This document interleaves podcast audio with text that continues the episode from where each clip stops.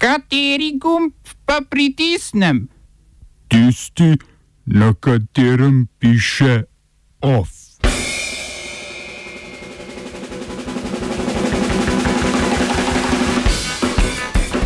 Likud zmagovalec predčasnih parlamentarnih volitev v Izraelu.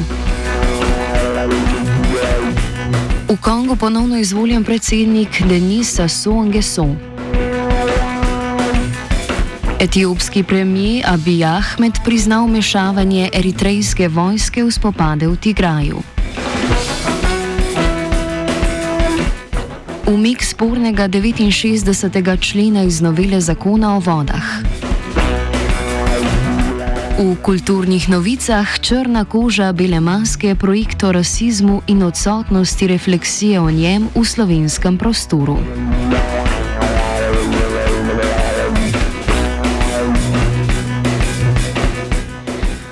Izraelu so potekale že četrte parlamentarne volitve v dveh letih. Benjamin Netanjahu, trenutni predsednik vlade in njegova desno usmerjena stranka Likud naj bi po podatkih usporednih volitev osvojila med 31 in 33 sedežev v parlamentu. Tekmec Jair Lapid, stranko Ješatit, pa med 16 in 18. Volitev se je po podatkih volišč udeležilo več kot 60 odstotkov voljivcev. Za sestavo vlade je potrebna podpora 61 poslancev v 120 članskem knesetu. Netanjahu bi za sestavo koalicije potreboval podporo ostalih desničarskih strank, med drugim tudi stranke Novo upanje pod taktirko Gidona Sara. Stranko Novo upanje sestavljajo odpadniški bivši člani stranke Likud, ki so neuspešno želeli prevzeti njeno vodstvo. Stranke so Netanjahuju večinoma naklonjene, nujna pa bi bila priključitev nacionalistične stranke Jamina z Naftaljem Benitom na čelu.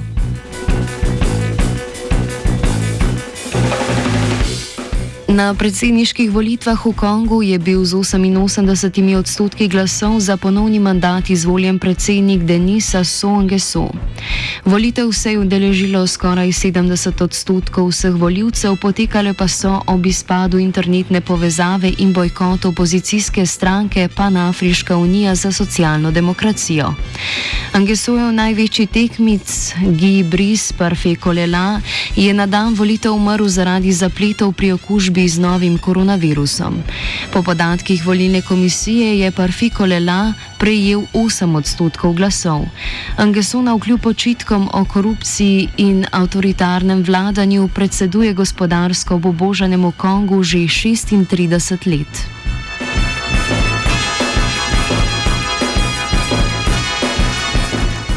Etiopski premijer Abiy Ahmed je prvič javno priznal, da so v času najhujših spopadov v Tigraju v to regijo vstopili tudi pripadniki eritrejske vojske.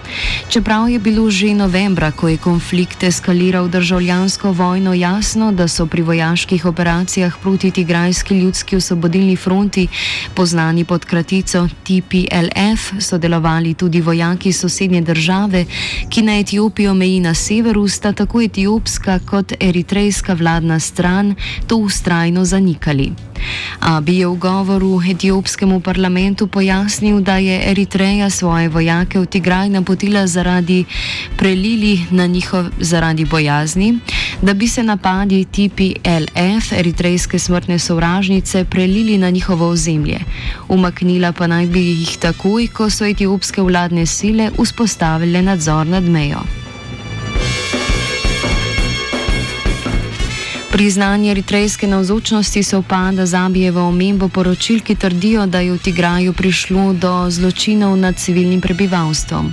Prav danes je etiopska organizacija za človekove pravice izdala izsledke preiskave, ki ugotavljajo, da je eritrejska vojska odgovorna za poboje več kot 100 civilistov.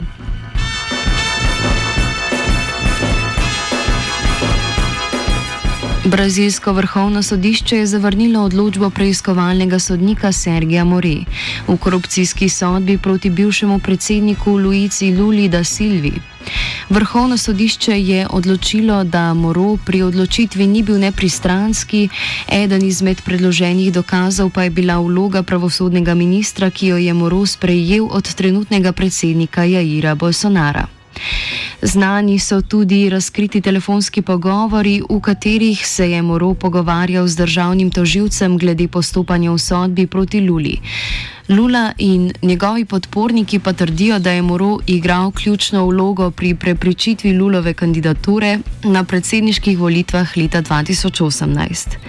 Za odločitvijo vrhovnega sodišča so vsi dokazi proti Luli neveljavni ter neuporabni v morebitnih prihodnjih obravnavah.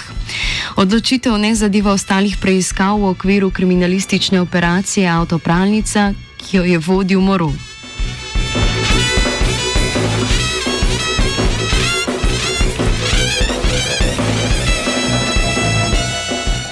Armenski parlament je izglasoval konec vojnega stanja. Ukrep je podprlo 118 poslancev v parlamentu, ki jih skupno šteje 132.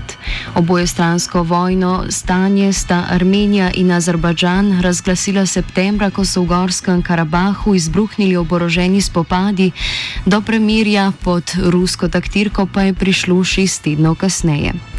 Politična kriza v Armeniji traja vse od sporazuma, v katerem je Armenija večino ozemlja predala Azerbajdžanu, kar za Armence predstavlja simbolično priznanje poraza. Armenska vojska pa je armenskega premijeja Nikolo Pašinjana pozvala k odstopu potem, ko je zamenjal prvega namestnika načelnika generalštaba Tirana Hačatrijana. Ta je vojsko zato obtožil poskusa izvedbe državnega udara. Pašinjan je tako o podvijajočih se množičnih protestih državljanom ponudil predčasne parlamentarne volitve, ki naj bi potekale junija letos.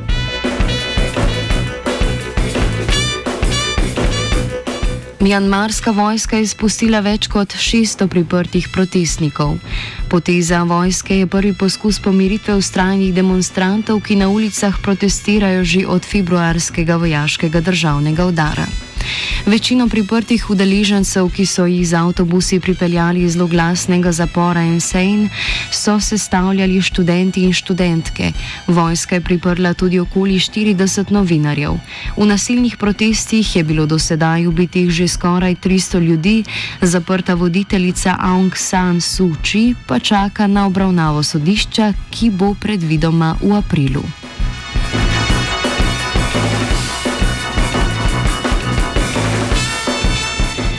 V Sueškem prekopu se je ustavil ladijski promet zaradi blokade tovorne ladje dolge 400 metrov.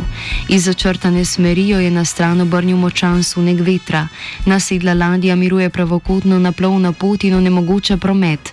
Vlačilci in naprave za izkopavanje pa jo poskušajo izkopati. Japonska ladja, ki pluje pod panamsko zastavo, je eno izmed največjih tovornih plovil na svetu. Sueški prekop na letni ravni omogoča plovno pot skoraj 10 odstotkom mednarodnih pomorskih tovornih plovil.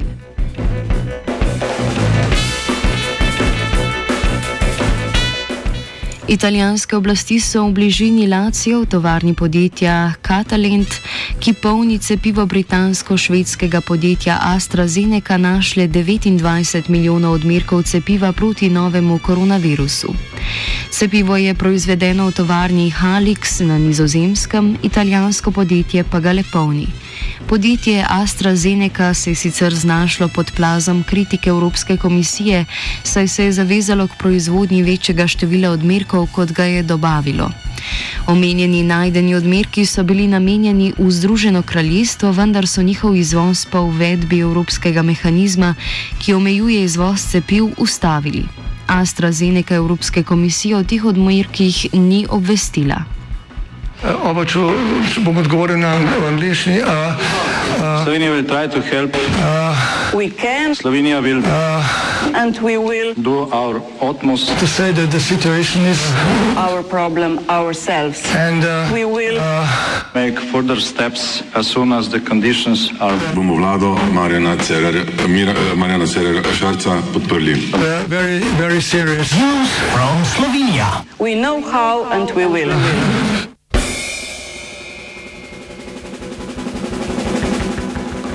V državnem zboru so poslanci sprejeli novelo zakona o zdravstvenem varstvu in zavarovanju.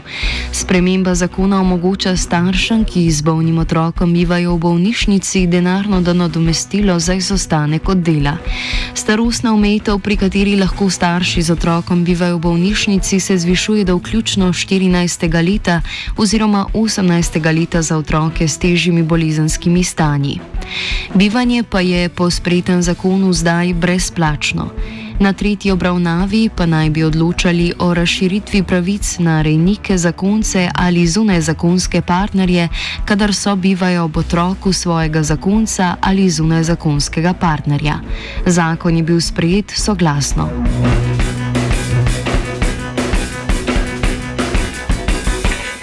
Prav tako so poslanci državnega zbora soglasno sprejeli novelo pokojninskega zakona, ki predhodno obdobje izenačitve odmernega odstotka za moške in ženske skrajšuje za dve leti. Končalo se bo z letom 2023. Zavrnjen pa je bil predlog levice, v katerem naj bi bila predlagana najnižja pokojnina v skladu s kratkoročnimi minimalnimi življenjskimi stroški.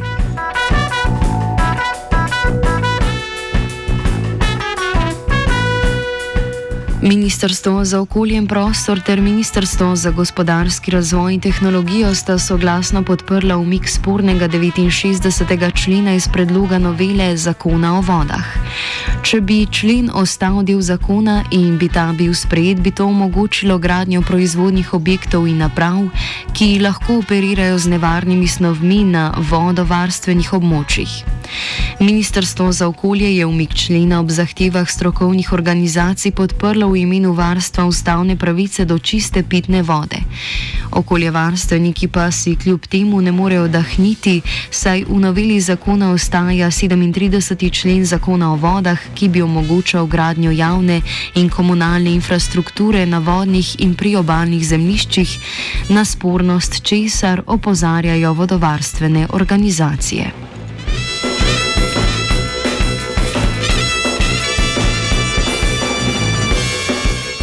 OF je pripravila vajenka Marija, mentoriral je žiga.